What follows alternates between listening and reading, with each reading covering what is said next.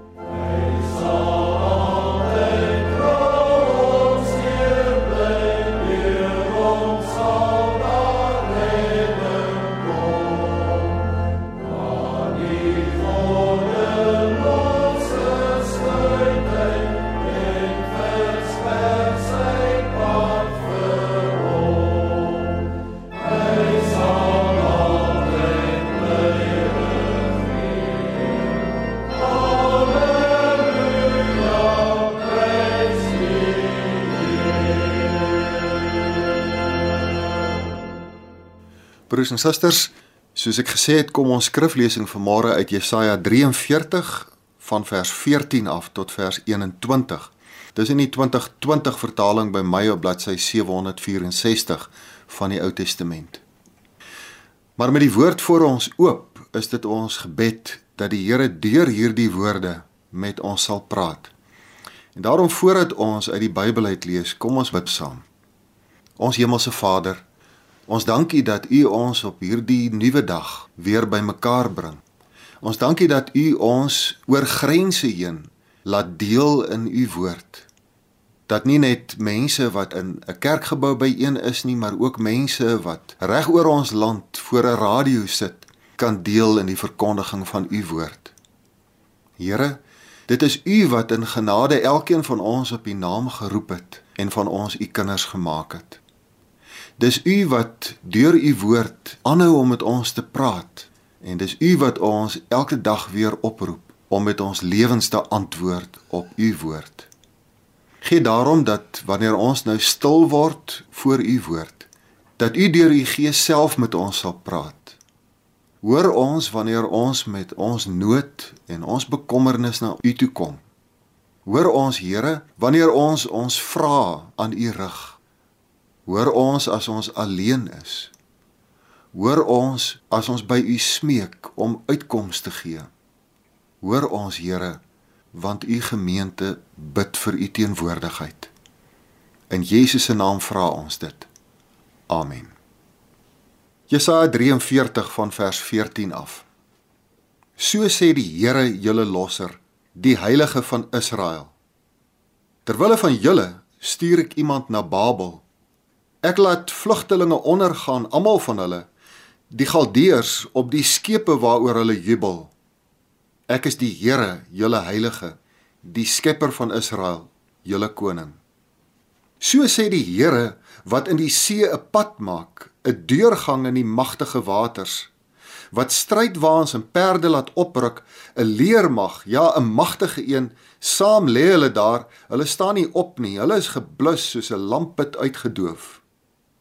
Moenie dinge van vroeër in herinnering roep nie. Op vorige gebeure moet julle nie die aandag vestig nie. Kyk, ek gaan iets nuuts doen. Dit gaan nou uitspruit. Kan julle dit nie besef nie? Selfs in die woestyn sal ek 'n pad maak. In die wildernis riviere.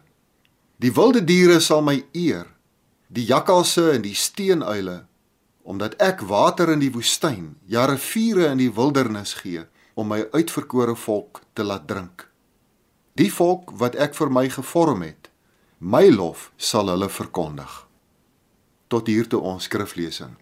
Gelukkig is elkeen wat die woord van die Here hoor en dit glo.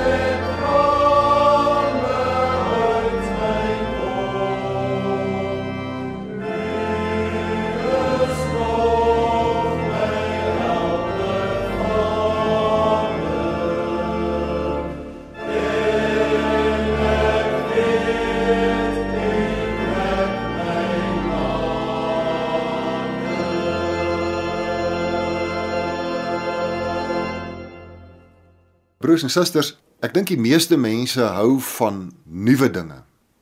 Mense assosieer nuwe dinge met opwindende dinge. En daarom raak mense opgewonde oor 'n nuwe film of oor 'n nuwe mode of oor nuwe karre.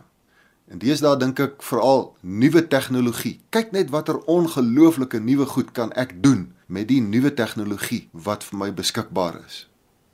En dan weet ons natuurlik dat die mense in die bemarkingswêreld ons liefde vir die nuwe dinge baie baie goed kan benut want hulle wil altyd die nuwe dinge aan ons verkoop en die ou dinge wat ons ken eintlik maar afmaak as 'n bietjie agterhaal.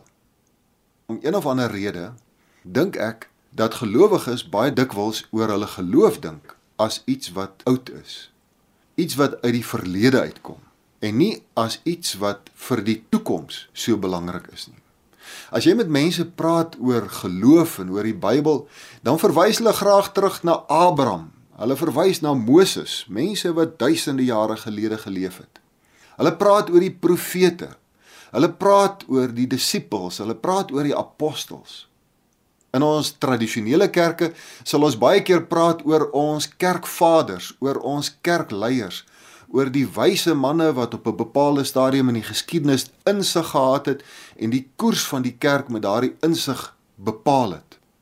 Of ons dink terug aan ons eie voorouers, ons dink terug aan hugenote en voortrekkers en my oupa en my ouma wat vir my 'n voorbeeld gestel het. Geloof word dikwels geïdentifiseer met iets wat oud is, iets wat uit die goeie ou dae kom en baie keer as iets wat 'n bietjie deel is van 'n geïdealiseerde verlede, 'n verlede waarvan ons eintlik net die goeie onthou en nie die probleme en die foute nie.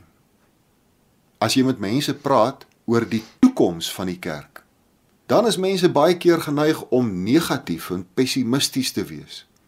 Dan sal mense sê hoe die lidmaattalle van die hoofstroomkerke daal. Mense sal vra vra of die kerk nog relevant is, 'n verskil maak in die wêreld waarin ons leef. Mense sal dink daar's nie veel om te praat oor die toekoms van die kerk nie. Die beste wat ons kan doen is om te dink aan die goeie ou dae. Is dit waar? Is dit die regte manier om oor geloof te dink? Ons skrifgedeelte Jesaja 43 kom uit 'n bitter moeilike era in die geskiedenis van Juda. Dit kom uit die periode van die ballingskap. Nou om seker te maak dat almal van julle darm daardie stukkie van die geskiedenis mooi vars in die geheue het, moet ons miskien sê dat die koninkryk van Juda in die 6de eeu aan die begin van die 6de eeu, so ongeveer in die jaar 586, deur die magtige Babiloniese ryk oorrompel is. En dat die Babiloniërs in daardie stadium Jerusalem ingeneem het en nie net ingeneem het nie, maar die stad platgeslaan het aan die brand gesteek het en al die belangrikste leiersfigure in die gemeenskap weggevoer het te voet duisende kilometer laat stap het en hervestig het in Babilonië self. Nou ja, as jy terugkyk na die geskiedenis van wat die magtige ryke in die verlede gedoen het aan klein volkere soos Juda, dan het jy op daai dag gesê, dis klaar gepraat. Hiermee is dit gedane sake. Die koninkryk van Juda is iets van die verlede. En tog daarin ballingskap het die volk volgehou om hulle geloofstradisies, om die oorlewering en die getuienis van hulle ouers en hulle grootouers met mekaar te deel. Om die waarheid te sê, in ballingskap het die volk begin om hierdie tradisies wat hulle gewoonlik mondelings met mekaar gedeel het, te begin neerskryf. En dit is waar die ontstaan van ons Bybel geplaas kan word. Juis in hierdie verskriklike negatiewe ballingskapservaring. Te midde van 'n geheue wat net slegte dinge kan onthou. Eintlik sou 'n mens verwag die volk moet terugkyk na die verlede en net katastrofe onthou. En dan kom die profeet hier van hoofstuk 40 af en verkondig iets nuuts en sê dit eintlik op 'n onverbeterlike manier hier in Jesaja 43 vers 18. Moenie net aan die vroeëre dinge dink en by die verlede stil staan nie. Nee, kyk, ek gaan iets nuuts doen. en dit staan op die punt om te gebeur. Julle kan dit al sien kom. En wanneer Jesaja dan met die volk praat te midde van hierdie moeilike omstandighede, dan gryp hy inderdaad terug na die verlede, na die geskiedenis van Israel, maar nie om die volk daarby te laat stil staan nie, nee, om die volk hoop te gee vir die toekoms. Hierdie skrifgedeelte begin wanneer die Here sê ek is die Here wat onmiddellik herinner aan die Here se openbaring aan Moses in Eksodus 3. Ek is die Here. Dink, wat het ek moontlik gemaak in Moses se tyd? Hy sê ek is die heilige van Israel. En die oomblik as hy dit sê, dan herinner hy die volk aan Levitikus 19 en die heiligheidskodex waar die Here vir die volk sê ek is heilig, daarom moet julle ook heilig wees. En hoe die Here eintlik met hierdie verbond wat hy met sy volk gesluit het, iets heeltemal nuuts in hulle lewe begin het.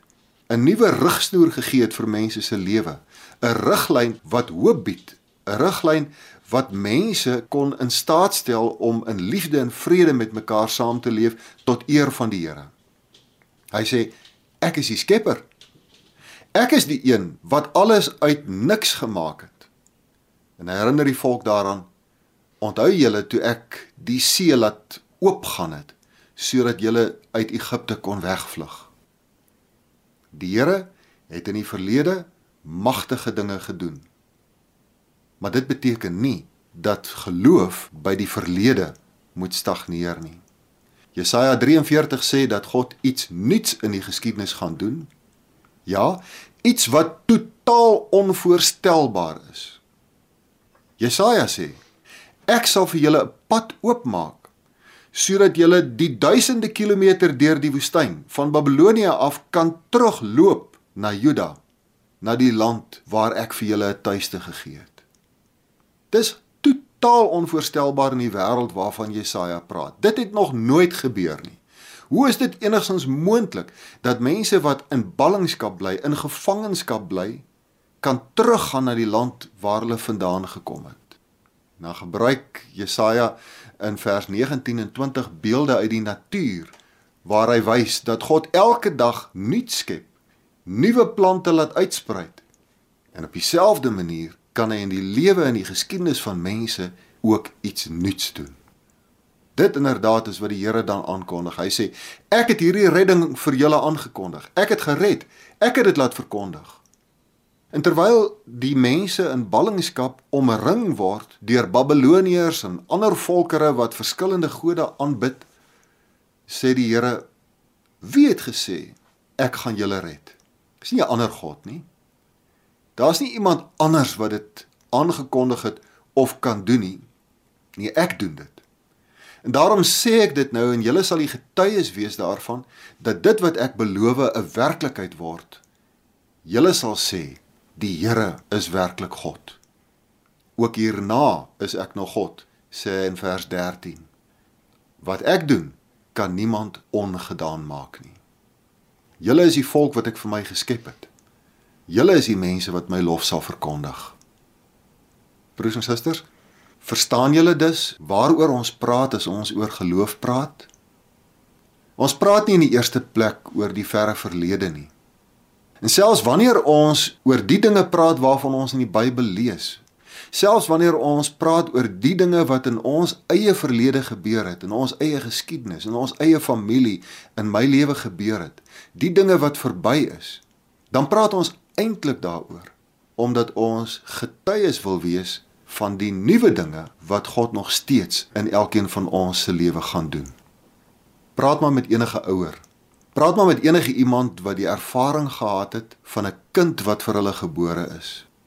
En hulle sal vir jou sê dit is die ongelooflikste ervaring om 'n nuwe lewe te sien, om 'n geboorte te beleef, te aanskou en te sien hoe God uit niks uit iets nuuts tot stand gebring het. 'n Wonderlike volmaakte nuwe mens met al die potensiaal om 'n volwasse mens te word, 'n verantwoordelike mens en self ook 'n kind van God. Iets nuuts.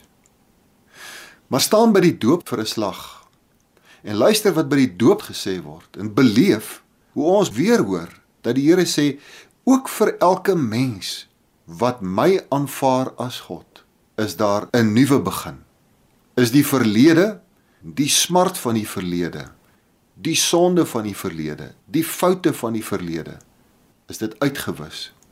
En die nuwe mens aan die ander kant van die doop is 'n mens wat deur God nuut gemaak word en wat anders is as van tevore. Broers en susters, uiteindelik is dit die getuienis wat elkeen van ons in die wêreld behoort te lewer. Elke gelowige behoort daarvan te getuig dat God my lewe nuut gemaak het. Ek is 'n ander mens as die mens wat ek was voor ek tot geloof gekom het. Ek is 'n ander mens as wat ek sou wees as ek nie tot geloof gekom het nie. En daarom kyk ek vorentoe, want soos God my in die verlede nuut gemaak het, weet ek dat God die werk wat hy in my begin het, nooit sal laat vaar nie. Dat hy ook met my steeds nuwe dinge sal doen tot die eer van sy naam. En as ons dan dink oor ons wat saam gemeente van die Here is, kerk van die Here is, dan moet ons nie terugkyk na 'n verlede waaroor ons kan idealiseer nie. En ons moet ook nie vasval in al die frustrasies en die probleme van die hede nie. Ons moet vorentoe kyk na die nuwe dinge wat God in ons midde gaan doen. Ons moet vorentoe kyk na die nuwe dinge wat God deur ons gaan doen sodat ons sy getuies in die wêreld kan wees, die mense wat sy lof verkondig, want hy is die een wat was en wat is en wat kom. Amen. Kom ons dank saam. Hemelse Vader, dankie vir u genade in ons lewens. Elkeen van ons kan oor ons eie lewe terugdink met dankbaarheid omdat U op een of ander manier, een of ander tyd in ons lewe ingetree het en van ons U kinders gemaak het. Ons dankie vir môre vir gelowige ouers, vir grootouers wat ons liefgehad het en grootgemaak en gevorm het. Ons dankie vir onderwysers en vriende wat ons op die regte pad gelei het. Ons dank U vir die gemeente en die kerk waarvan ons kan deel wees, waar ons U woord kan hoor, waar ons en ons kinders in die kategese en Bybelstudie gevorm kan word, waar ons hoop kan kry selfs te midde van neerdrukkende omstandighede om ons. Hemelse Vader, gee vir ons U genade dat ons nie in onsself sal vaskyk nie, want dan gaan ons moedeloos wees. Geef ons U genade dat ons nie net dink al wat moontlik is is dit wat in die verlede klaar gebeur het nie. Maar help ons om in te sien dat U ook in ons wêreld elke keer nuut werk, nuwe dinge doen, ander dinge doen, die ongehoorde en die onvoorstelbare moontlik maak. En gee ons op dië manier die hoop dat ons aan U kan vashou en kan lewe soos mense wat hoop het omdat hulle hulle verlosser ken. Here, U is die heilige van Israel. U is die ewige skepper. U is die verlosser van elkeen wat in Jesus Christus glo. Wees U nou ook vir ons die lewende woord wat ons dra en ons vorm. Ons bid dit afhanklik in die naam van Jesus ons Here. Amen.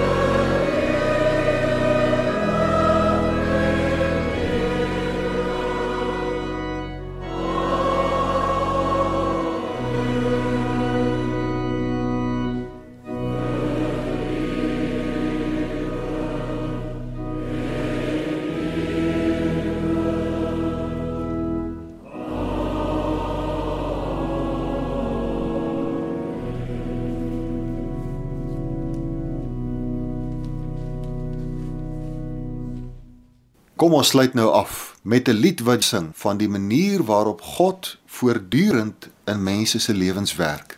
Gesang 281 uit die liedboek.